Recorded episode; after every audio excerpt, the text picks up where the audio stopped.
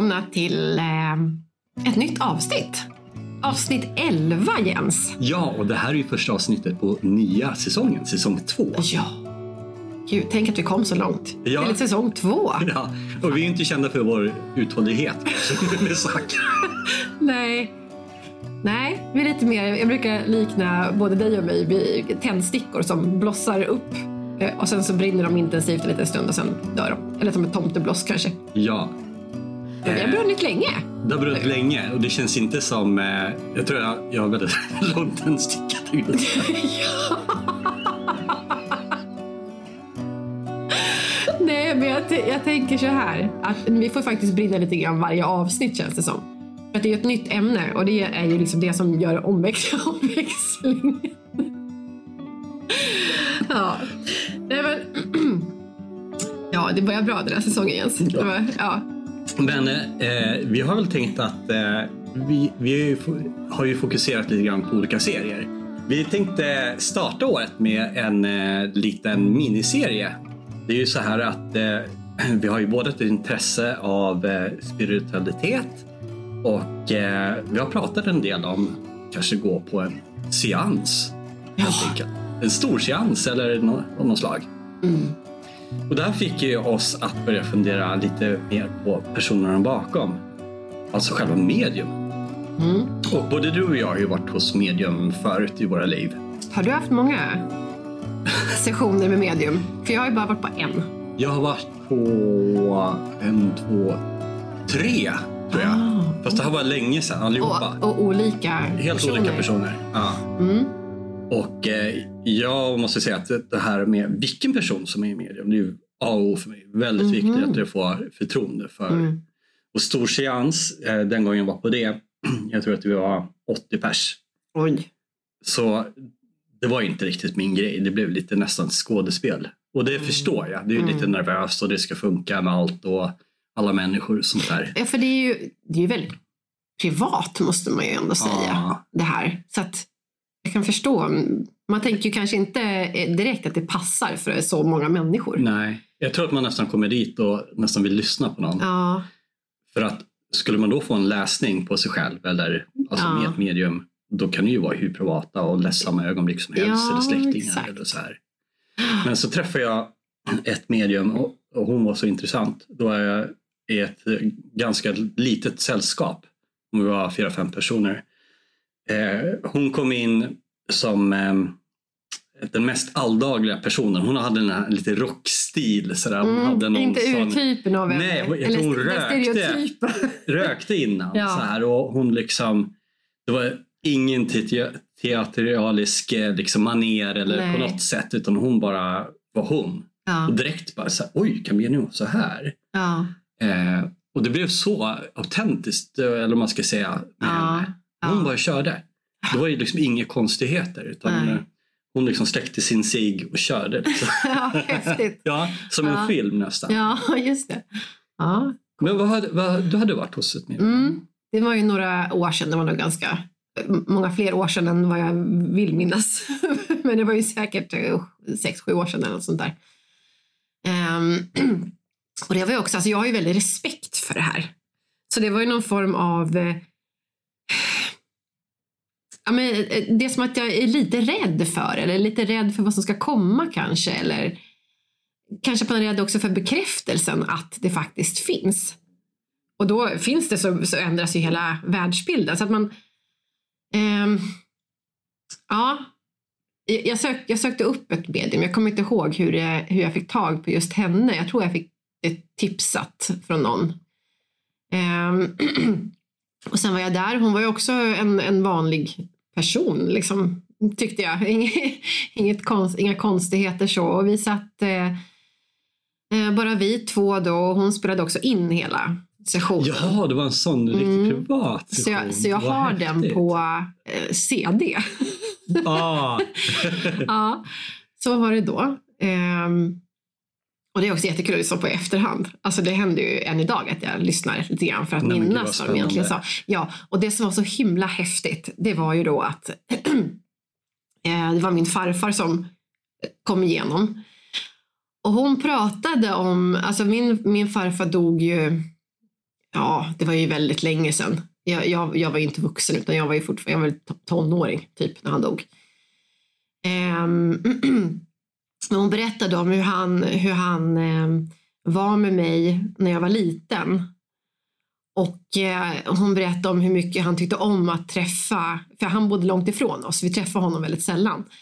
Men det var, det var väldigt värdefulla stunder för honom när vi kom på besök var det ofta då, när han fick eh, umgås med, med mig och mina syskon.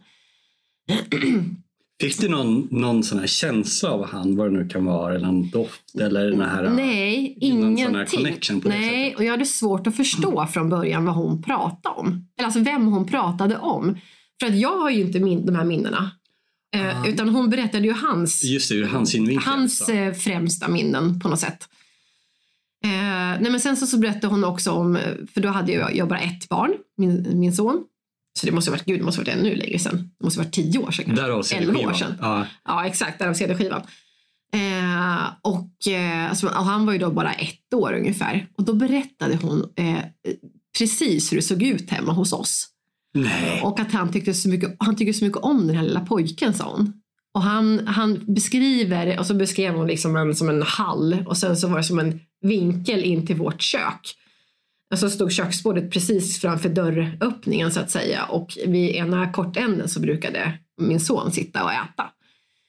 Och hon beskrev exakt sådär att han brukade stå i den här öppningen och titta wow. på honom när han, när han äter. Liksom. Och alltså jag fick absolut ingen känsla av obehag på något sätt utan det var, hon beskrev det så klockrent den här scenen och vi hängde ju mycket där vid matbord och han satt alltid där. Och vi pysslade och vi ritade och han åt ju och ja, så här, vi var mycket där.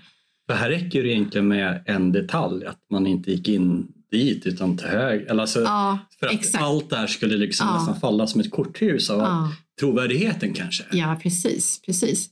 Sen så nämnde hon också en hel del som jag inte visste om. Hon, hon sa att han, jag, jag ser en cykel, sa hon. Och så ser jag att han är... Hon beskrev honom som väldigt liksom, Eh, äldre men väldigt, har väldigt fin hy. Så här slät, liksom. inte så rynkig men äldre helt klart. Eh, och sen när jag kom hem till, till, till, mina eh, föräldrar så berättade jag om det här för mamma pratade jag med först tror jag. Eh, och hon sa ja, nej, men farfar hade ju inget körkort. Han cyklade överallt.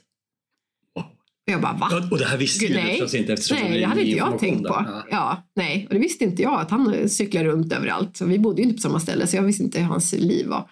Så. Eh, och att han också eh, hade, var väldigt slät i hyn. Och han klädde sig alltid i liksom finkläder berättade hon också. Och det gjorde han jämt. Han hade alltid så pressade byxor och ja, skjorta. Som det var ett tag. Alltså, ja, men även då så stack han ut lite grann. Ja. Så man var väldigt noga liksom det där. Han var alltid så fräsch och ren och var noga med det. Eh, och han hade annan problematik, jag ska inte säga för mycket, men han hade liksom annan problematik. Så just det här med renligheten och att ändå hålla sig fräsch var så väldigt viktigt för honom. Um, ja, så det var, det var coolt och framförallt just det att få det bekräftat efteråt. För då, det var ju... Ja, det är både det henne och kunde... din mamma plus kanske bilder. Som ja. att liksom, om man ser det som ett pussel. Ja. För det är ju ändå det så här, vi har ju det här tvivlet. Ja. Dels kanske vilket medium det är. Alltså, mm. som, för det finns ju charlataner, eller man ska säga, som kanske inte är vad sa du? Charlatan, alltså någon, som, eh, någon som hittar på. Förstår du? Alltså någon aha. som är lever på... En bedragare? Nästan. Typ.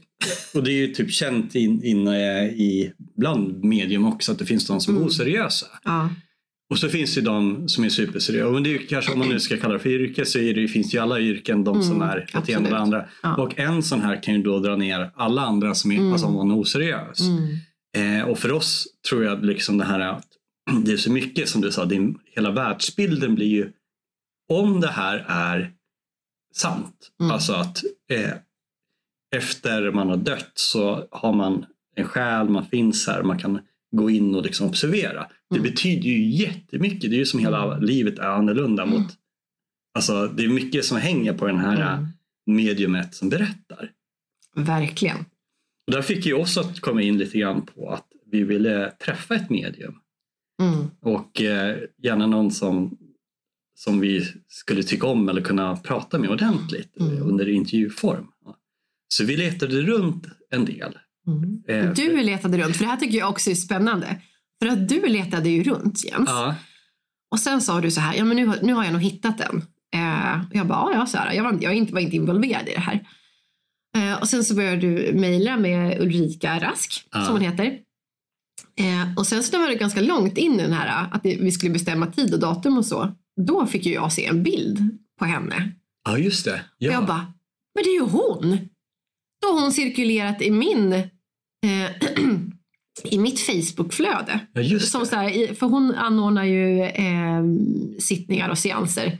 Ja, där du bor. Ja, liksom i alltså området, här, här i Ja. Mälardalen Ja. eh, området. och då kändes det också så himla rätt att det var just Ulrika. Ja. Eh, så det var himla roligt. Och jag har hört så bra om henne från andra personer, i och för sig nu efteråt, men det, allt det vi läste och känslan och samtalet vi Mm. hade sådär. Så eh, vi var väl båda ganska pirriga inför den här eh, Mm. intervju som ni ska få höra. Eh, och eh, det Anna-Ulrika kommer att berätta är fantastiskt. Eh, jag tror att vi båda blev väldigt förtjusta i henne som person och liksom också som eh, medium eller yrkesmänniska. För Mm. att, jätteseriös, underbar att prata med och sådär. Så att det var Men, och samtidigt väldigt eh, jordnära och, och väldigt mänsklig. jordnära och mänskliga. Och det är ju Mm. sådana kvaliteter som vi, vi ju både du och Som jag. vi besitter. Ja, ja, precis. Men både du och jag har ju verkligen liksom antennerna utåt så när det gäller andra människor. Hur, Mm, mm, Med allt från kroppsspråk och till vad det nu kan vara. Så vi, Mm. är det någonting som inte riktigt stämmer hos en människa, att den liksom pratar med två tungor, eller vad man ska säga. Att den, Mm. den är liksom i, då känner vi av det på två, tre sekunder. Det går ju otroligt fort för oss. Och eh, där fick vi ju båda en väldigt bra bild på en gång. Mm, ja. Och eh, intervjun med Anna Ulrika kommer vi dela in i fler avsnitt. Och eh, idag kommer ni alltså få höra på första delen av intervjun.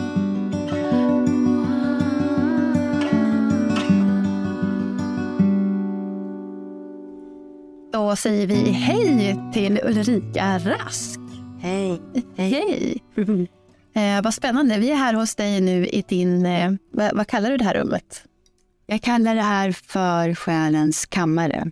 Ja, precis. Och det är supermysigt. Vi har eh, massa levande ljus och det är väldigt stämningsfullt här. Ja, Mm. det är fint. Ja. Lugnt och fridfullt. Det är en sån skillnad när man står ute utanför korridoren och sen kommer in här. Man bara slås av den här varma, mjuka, underbara känslan. Så att bara få sitta här känns som en, en ynnest just nu. Tack, vad glad jag blir att höra. Vi är ju lite nyfikna på hur allt startade. Hur eh, upptäckte du liksom din spiritualitet? Mm. Jag har, eh, jag har varit så här hela mitt liv, ända sedan jag var liten. Men när man är liten så tänker man inte så mycket på det, utan man har nog den uppfattningen att alla är, är samma lika, tänker jag. Jag har nog alltid haft nära till att eh, kommunicera uppåt, som vi säger då när vi jobbar med det här. Kommunicera uppåt. Och eh, jag har inte känt mig riktigt ensam heller genom livet direkt. Så, utan att jag har alltid haft med mig någon. Även om jag inte har vetat um, vem det har varit så har jag ändå varit medveten om att jag är inte ensam. Jag har med mig. De finns runt omkring mig. Så. Jag kommer också ihåg när jag var liten och låg i sängen hemma hos mormor där jag hade ett eget rum så kunde jag tycka det var lite obehagligt ibland så energin kom så nära mig. Så jag vände mig liksom inåt, inåt mot sängen och drog täcket över och sa nej, nej nu stopp, vill jag inte. Liksom. Det har jag tydliga minnen av. Men inte så att jag var livrädd på något sätt, men ändå så att jag tyckte att nu räckte det. Så. Men så har det all- alltid funnits där. Och det har inte varit... Jag har en mamma som också har en närhet till det här och en eh, mormor också faktiskt. Och en farmor också och en pappa Wow. också. Och en farfar.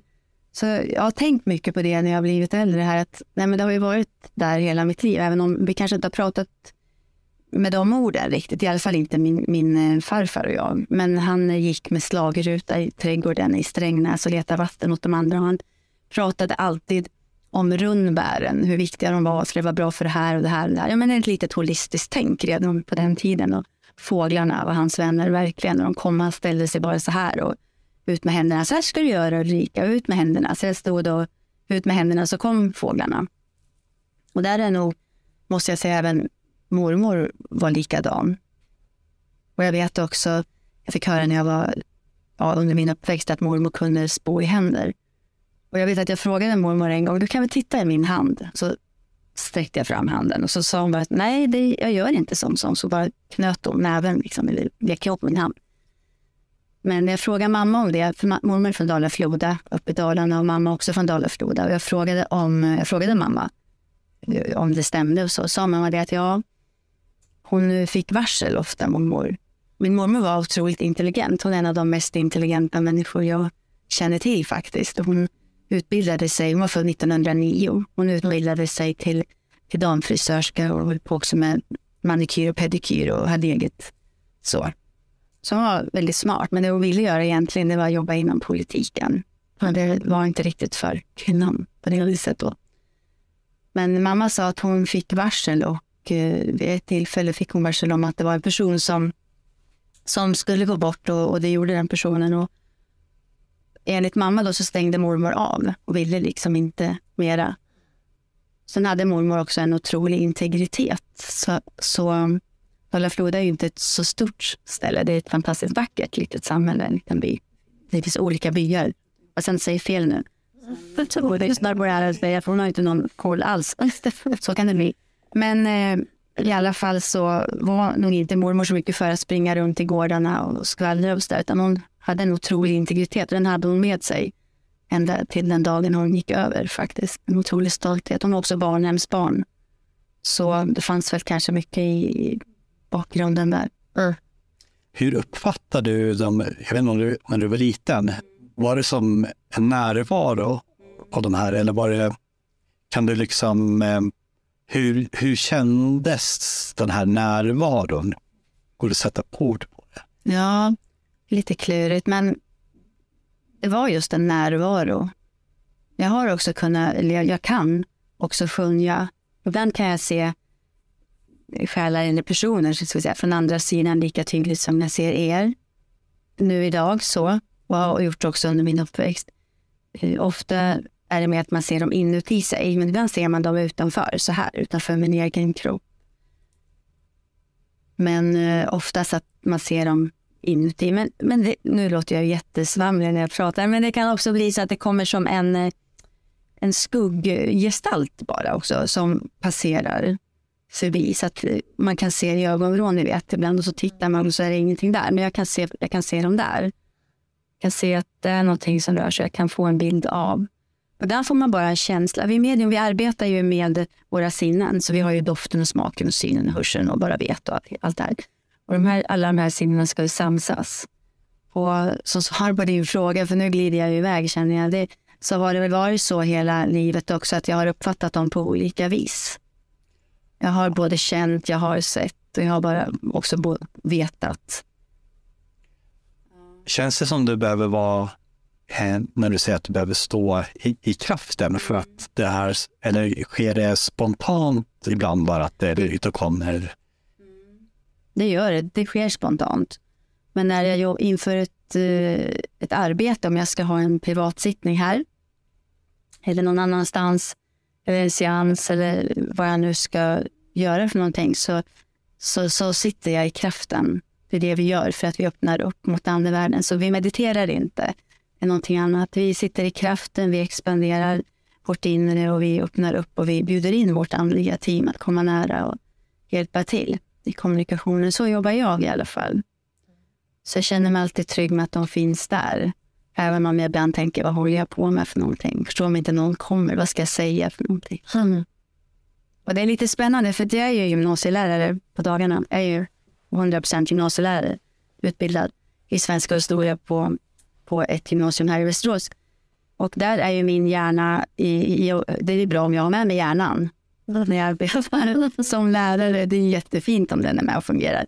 Men när jag kommer hit och ska arbeta här så är det som att jag behöver lägga den utanför dörren och bara gå in i känslan och känna.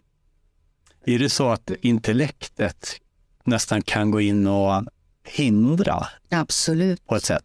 Eller att den, jag tänker vi har ju alla en sorts inre röst som kanske mal på. Eh, och ibland så är den negativ och ibland, alltså att det kan komma sådana här ord, är det här, alltså att, att logiken går in eller någonting. Absolut. Vi- Visst kan det vara så. Och det är också när man sitter och har en privatsittning så är det så viktigt att eh, vi sitter, den personen som jag har mitt emot mig, inte ger mig någon information överhuvudtaget utan svarar ja och nej. Och kanske, eller jag förstår inte eh, så. Därför att eh, får vi information, eller får jag information, så är det lätt att hjärnan kickar igång. Och börjar man hitta på saker, då är det ju inte rätt. Så det får man inte. Så man vill inte ha någon information överhuvudtaget. Att, och det, då kan det också bli så att man mosar verkligen ur sig. Det, när man är i kontakt med andra sidan till exempel, med andevärlden, så går det rätt fort. Man kommer in i ett flöde, i ett flow. Och då kommer informationen fort. Så ibland får jag hejda mig själv och sänka talhastigheten lite grann. Då. Men hela tiden då så får jag bekräftelse, ja eller nej, från den person som sitter framför mig, klienten. Att jag vet om jag är på rätt spår eller om jag behöver tänka om eller så.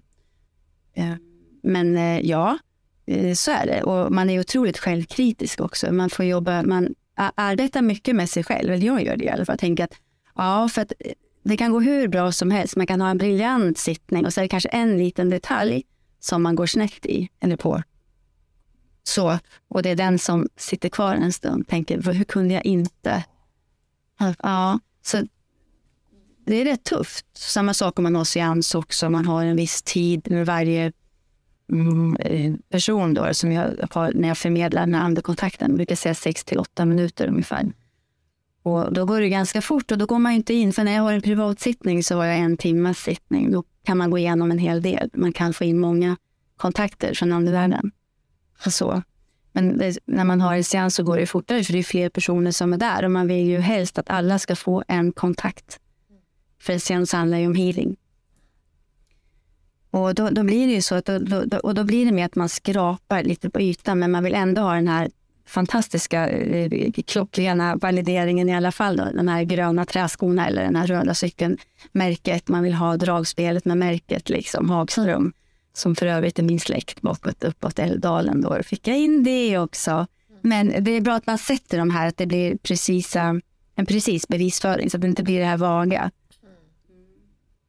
Det är väl det som är skillnaden också. Men när man kanske får träna mycket och man håller på mycket och man är i energin, att man verkligen hittar de här detaljerna. Kan, kan det skilja mycket hur, hur tydligt det här är? Eller när du går in i kraften, är det, är det liksom alltid en öppen kanal då, där det alltid kommer information? Det gör det. Ja, jag har faktiskt aldrig haft en sittning och nu sticker jag väl ut hakan antar jag. Jag, har, ja, jag får ta den risken. Jag har aldrig haft en sittning där jag inte har haft, eh, fått någon kontakt. Utan, eh, det får jag. Mm. Har fått hittills. Ja, Ja. peppar, peppar. Peppar, peppar, ta i trä. Absolut. Så. Eh, Och det låter kanske lite kaxigt, men, men jag har väl varit eh, eh, förskonad så då, och fått uppleva det. Ja. Fantastiska möten med både personer i fysisk kropp och personer från andevärlden. Mm. Ställer du frågor liksom, eh, inombords eller är det snarare så att det kommer information bara och att du inte kan liksom, styra eh, funderingar och så, om man får frågor från en klient eller vad ska jag säga. Eh, menar du? Ja, jag tänker så här att när jag har ett möte med en klient framför mig så vill jag inte veta någonting. Jag vill inte veta varför de är hos mig. Jag vill inte veta om det är en, en person de vill träffa. Egentligen inte. Utan jag brukar fråga, eh, vill du, kan jag, för att jag brukar arbeta psychic heter då arbetar jag i klientens energier först. Och sen när jag känner att jag har ande med mig, andevärlden med mig så presenterar jag vem jag har med mig. Och när jag har en, en timmas sittning så blir det två, tre, kanske fyra kontakter. Så. Och eh, då kommer det faktiskt till mig. Informationen kommer till mig från andevärlden. vad jag ska säga. Andevärlden berättar för mig vad jag ska säga. Så, så det är så det sker. Jag, klienten säger ingenting. Det är ja och nej. På slutet så, så brukar jag släppa in, så säger jag så här, har du någon fråga? Så såklart att jag kan försöka få något svar också. Men helst vill jag komma igenom det som andevärlden vill förmedla till mig innan jag bryter den. Och så är det två olika energier. För man säger att man jobbar psychic när jag jobbar i, i som Sara, i dina energier då. Och tittar i vad du har varit med om bakåt i tid, framåt i tid och här och nu. Men när jag arbetar med andevärlden så arbetar jag mediumistiskt. Då jag, upp, jag expanderar, min, jag går upp i frekvens helt enkelt. Andevärlden går ner för att möta mig. Så, så att vi skiljer på de här energierna också. Och att det är viktigt att när vi arbetar mediumistiskt, då får vi den informationen från andevärlden. Vi gör ingen code reading, vi läser inte av det härifrån. Och det här handlar ju också om disciplin. Och det är det vi lär oss när vi går våra utvecklingscirklar, vi kursar. Vi, jag har varit mycket i England, Arthur Findlay College, ett fantastiskt ställe med medium över hela världen som kommer dit. Då stänger man in sig där och så arbetar man och så vill man inte åka hem. För varje gång man kommer dit så känns det som att man kommer hem. Wow. Ja, det är wow. Det, det är magiskt. Det är som Harry Potter-land. Ja, jag vet inte vad det där Ja, ja. Så, så, här, så det, handlar, det handlar om etik och moral och eh, disciplin. Ja, och respekt, ödmjukhet och kärlek. All, allting handlar egentligen om healing.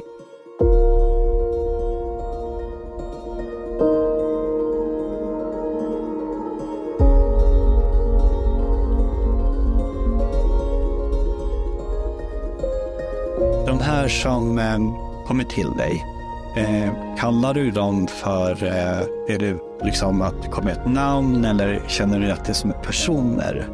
Ofta, eller oftast så är är det nära och kära från andra sidan. Vänner, grannar, klasskamrater, men ofta de närmsta. De, de som står klienten närmast. Och andevärlden sköter det här så bra också för att de organiserar det hela på något sätt så att den personen som ska komma igenom kommer igenom. De personerna som ska komma igenom kommer igenom. Men eh, vi arbetar ju också, vi säger jag, arbetar ju även med eh, guiderna. Så att eh, det är på en högre frekvens. Så där får vi också information, ja, också information från guiderna. Så då brukar jag försöka säga att nu är jag här. När jag jobbar psychic med en klient så berättar jag att nu är jag psychic, jag är dina energier. När jag går upp, när jag känner att åh, jag höjs på något sätt, så får jag information uppifrån. Och då är det inte från nära och kära, utan då är det mer guider. Så att det är olika sätt att... Eh, väsen. Mm, jag hör ju till dem då, jag vet inte om det beror på att jag har en mamma från Dalarna som faktiskt eh, kan mycket väl tänka att eh, det finns, hur eh, ska jag säga det här, småfolk och älvor. Jag har nog sett älvor i min definition så, när jag var liten på fälten. Jag vet att mamma sa, titta nu dansar de. Och det har varit så naturligt för mig, så fortfarande så är det så jag tänker när jag ser den här dimman över fälten. Jag vill så gärna gå ut och ställa mig där bara, mitt i. Bara vara. Det är fantastiskt tycker jag. Mm. Och jag tror att... Eh, jag tycker att det är fantastiskt med, med, med, magi. Med allt som är magiskt. Men jag tror också att vi behöver skapa den själva. Att vi får bjuda in den i vårt liv, i våra liv. Vi har den här magiska aspekten också. Att vi inte blir för, för stela kanske. Och ta bort det här fina när folktron vi har bakåt i tiden. Den är värdefull. För mig är den det. Så jag har ett jag är nog, bland, öppen för, jag blandade lite grann sådär. Men allting är ljust och vackert. Mm. Faktiskt. De gångerna som jag har känt eh, närvaro så har det just varit av det man kanske kan kalla då för naturväsen. Ja. Eh, men kanske inte av eh, människor mer än någon gång. Mm. Sådär. Så för mig känns det också helt naturligt, också uppvuxen i Dalarna och har eh, alltid varit väldigt fascinerad över, för mig är det så självklart. Och jag tänker alla historier man hörde, alltså som jag hörde som barn, så var det väldigt mycket om väsen. Medan idag så har det kanske minskat den delen där man hör och mera kanske då så andar och släktingar. Alltså att det har blivit nästan en förskjutning. Jo, jag håller med dig där. Det är ingenting jag har tänkt på så, men eh, det finns ju en poäng där. Så är det ju. Mina elever, jag är gymnasielärare också, svenska och historia. Och mina elever pratar väl inte direkt om småfolket och älvorna, utan det är väl mer jag som kanske säger det. Har ni sett älvorna nu på morgonen det var dimmigt ute över fälten? Har ni åkt på vägen hit? Har ni sett? Och de tycker väl att det är lite roligt det där. Då. Men, eh, nej, men jag förstår hur du tänker Jens, så jag, jag håller med. Det har blivit en förskjutning. Har det blivit. Och, men samtidigt så är det någonting kanske mer vi kan mer konkret få bevis för också. Det forskas på det här hur det forskas på hur vår, våra hjärnor fungerar när vi har en sittning till exempel. Det, det märks på, på, jag vet inte jag vad allt det heter, men, men just i den forskningen att det är som att hjärnan stängs av, som att man nästan faller in i sovande tillstånd eller någonting. Och jag förstår det, för att det händer saker. Man är ju, man är här, men, men man är ju liksom där. Ja. Det är ju jätteintressant. Ja, det är intressant. Jag tycker att det är fantastiskt när forskningen börjar komma ikapp, när vi får ja. belägg för det här, när det finns att ta på någonting konkret. Också som gymnasielärare, där vi hela tiden mosar på med den här källkritiken. Hur källkritiska är vi när vi tar till oss fakta när vi läser? Har vi stämt av det i fler källor eller har vi bara tittat på en? Och var kommer den ifrån ursprungligen? Mm. Så tycker jag att det här är ett... Eh, ja, det behövs, gör det. Det behövs också för att det ska få en, en större acceptans. Det ska bli accepterat som någonting som faktiskt existerar. Och just det här kanske med, med småfolk och, och väsen. Och det, det, det är ju mer mun, från mun till mun och vad vi själva upplever. Så det har vi kanske inte samma kraft. Men jag säger inte att det har en det var inte en, en, en, mindre kraft för mig, eller svagare kraft för mig, utan jag tycker båda så. Jag tror att allting hör ihop. Mm. Träden och mossan och skogen, naturen och alla fenomen som finns. Det ger mig en otrolig kraft. Jag hämtar kraft där. Jag kan inte leva utan naturen. Nej, kan jag skriva under på. Mm. Jag tänkte på det. Där du är i din klass Eh, för vissa medium har man ju hört att de liksom stänger på, eller sätter på och stänger av. Kan det vara så? För det är mycket folk antar jag. Kan det vara så att det liksom dyker upp släktingar och när du rör dig ute bland folk som vill eh, ta sig fram till någon? Ja, så är det mm. många gånger. Men, men samtidigt så disciplinen är ju A och O när vi arbetar. Så när vi arbetar så arbetar vi. När vi inte arbetar så arbetar vi inte. Det skulle också... Det, är ju, det skulle kunna vara en, en enormt stor påfrestning annars om man alltid är på. Liksom. Jag stänger nog aldrig av, jag stänger aldrig på, eller sätter aldrig, jag öppnar inte på det viset. Jag behöver inte stänga av och, och vad säger man? Så, ja, inte vad jag menar. ja, jag trasslar in mig här på nätterna. Ja. Men eh, utan det, det sker mer naturligt. Och jag tror också att mina guider som jag arbetar med, för jag har ju mitt team, vi har alla våra guider, mm. tänker, tänker jag. Så de är också så medvetna om att eh, nej men nu arbetar inte Ulrika, men, men absolut det har hänt flera gånger och jag har också eh, gjort saker när jag inte arbetat, att jag har varit tvungen. Jag satt, eh, får jag berätta? Ja. ja. Jag, jag har några exempel, jag kom på det nu, jag har ju antecknat några för jag tänkte att den här frågan kan ju komma upp, jag glömmer så lätt känns det som ibland. Jag satt faktiskt i, i Sankt Eskil, heter den kyrkogården, mellan, äh, precis utanför Eskilstuna, närmare häråt. Och vid min pappa då i Askravlunden. Och, eh, och jag sitter där och jag känner mig lite ledsen sådär, för jag saknar pappa. Även om jag känner att han är med mig så var jag lite nedstämd. Och så tittar jag ut över, det är så fantastiskt vacker kyrkogård. Den är så kuperad så mycket grönska och det är liksom lite upp och ner, går och berg och dalar jag på att säga. Men det är fantastiskt fint.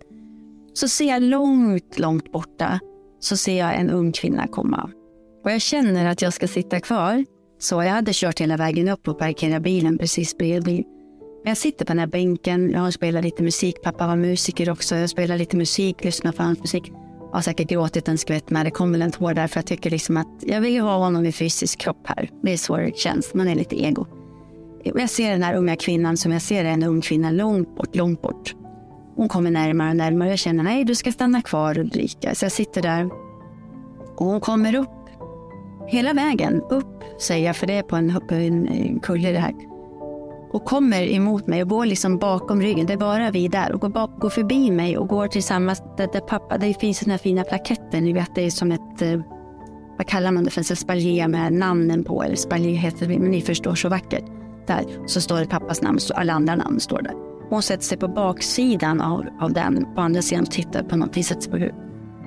Och, och det jag känner då är att hon har med sig en man, en morfar eller farfar. Den känslan får jag väldigt, väldigt stark och jag känner också en, en, en stark, stark kärlek. Så när hon reser, jag sitter och sneglar mot henne och tänker nej Ulrika, du kan inte, du ska inte, du ska vara tyst nu. Men det var så starkt. Så att när hon reser sig upp så, så är jag tvungen att, och fråga henne. Eller om, om jag, jag, jag sa så här, jag, jag heter Ulrika och jag är medium. Och det här kanske låter jättetokigt och du får säga ifrån om det inte känns bra för dig. Men får jag berätta vad jag känner?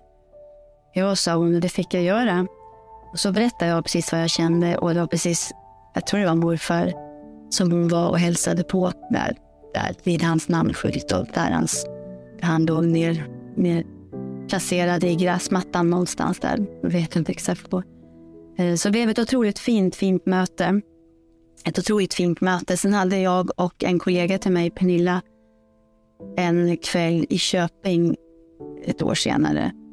Och eh, med de är ganska många som är där på det vi ska göra den kvällen. Vi har en afton. Och så frågade, frågade jag var och en hur de um, fick veta om oss när vi var klara sen. Och då kommer jag fram till en ung tjej som jag, jag inte alls kan placera, men någonstans känns hon bekant. Jag vet inte, för att det är så många ansikten också i mitt liv, tycker jag. så. Och så säger hon så här, vi möttes på en plats som betyder otroligt mycket för mig. Och det här mötet var så starkt. Och, och, och det betydde så mycket för mig och har gjort framåt. Och då kände jag, nej men vänta nu, var det på kyrkan? Ja, sa hon. Och jag, mina tårar bara rann. Mm. Och det brukar väl inte vara så bra när man sitter där och ska hålla i någonting. Men det var fantastiskt fint och hon, hon ja, men bekräftade hur det kändes för henne och vad det gjorde för henne. Och, mm. och det kändes ju lika mycket i mig. Vid ett annat tillfälle, i, jag brukar inte när jag är lärare så är jag lärare. Jag brukar inte ta med det in i mitt klassrum. Jag, jag, jag, jag, gör inte det. Därför att eh, de är inte myndiga allesammans. Det är på gymnasiet, en del är det, men det handlar om disciplin. Men vid, vid ett tillfälle så hade jag en ung tjej, en årskurs trea. Det var nationella, eh, svenska nationella provtiden. Året så, april, maj där. Och eh, min pappa hade legat eh, eh på Akademiska på hjärtintensiven där några veckor och eh, gick också över jorden. Alltså han, han gick bort, gick hem så. Tyvärr, men inte där utan när han kom till Eskilstuna. Men den här unga kvinnan i alla fall, den tjejen, eleven till mig, som, som jag inte kände så bra, för de kom från en annan skola, men de läste svenska hos oss, individuella valet. I alla fall så, många år sedan, så skulle hon tala och hon hade, vi hade fått skjuta upp det för hennes mamma hade blivit sjuk hastigt. Mamma var i min ålder. Och eh, jag följde liksom det här. Hon berättade för mig och jag tyckte det var så märkligt för mig själv då, för att mamman hamnade precis där min pappa hade hamnat, på Akademiska i Uppsala. Och det blev ju en, eh, en eh, ja, ett samband. Jag, jag kunde förstå precis för så, så, hur ser det ut. Hon berättade exakt och det kändes som att han hade, hon hade fått samma plats där min pappa hade legat också. Han låg där i tre veckor under en, övervakning så att säga. Mm. Och sen gick det så illa så att den här mamman faktiskt gick bort. Och den här tjejen, min, min, min fina elev, då skulle hålla det här talet och samlade kraft för att klara av det här. För just att det var nationella och vi hade flyttat på det. Alltså du behöver inte. Jo, men jag vill, sa hon. Och när hon håller det här talet så ser jag en kvinna som kommer fram, blir mer och mer tydlig och står på hennes sida, på hennes vänstra sida. Jag tittar henne rakt fram så här. Nej, då blir det på, mm, från mig sett var det på hennes högra sida, men på hennes vänstra. Och det var så starkt att jag fick sitta och bita mig i tungan för att inte börja gråta. För det, var, det, det kommer med kraft när man, det, man, man blir berörd. Man är inte så tuff och hård utan det känns i hela kroppen. Så, och den här, eh, min elev höll ett fantastiskt tal. Och eh, när hon var färdig så satt jag och funderade på om jag skulle säga någonting eller inte. Men jag kände att ja, jag behöver göra det faktiskt. Och blir jag anmäld för det här så får jag bli det. För att det här har större betydelse än vad, än vad vi förstår. Så, så då sa jag det att jag hade en kvinna med under hela ditt tal och hon hade lockigt hår. Jag beskrev henne precis. Och hon kände så här och så här och så här och så här. Och då visade hon mig ett fotografi på sin mamma. Hon tog fram ett telefonen och visade och precis så jag såg. Så det var så starkt. Jag ska inte berätta vad jag förmedlade, för kommer jag inte ihåg riktigt heller. Men det var så mycket kärlek och just att, att uh, jag fick säga det till henne då. Det blev hon väldigt glad för. Och det handlade också om att jag gick utanför min komfortzon lite grann för att jag vet att jag, får, jag gör inte sånt här på mitt arbete. Inte i min lärarroll, men här var det någonting större. Som inte... Här, här, här, här fyllde det en funktion. Mm. Verkligen. Här, den här tjejen tog studenten utan sin mamma. Och, och eh, det är tufft. Ja. Det är svårt. Förstår jag det här du sa med att det är mycket en helande kraft? Ja, det, det är det. Det är det.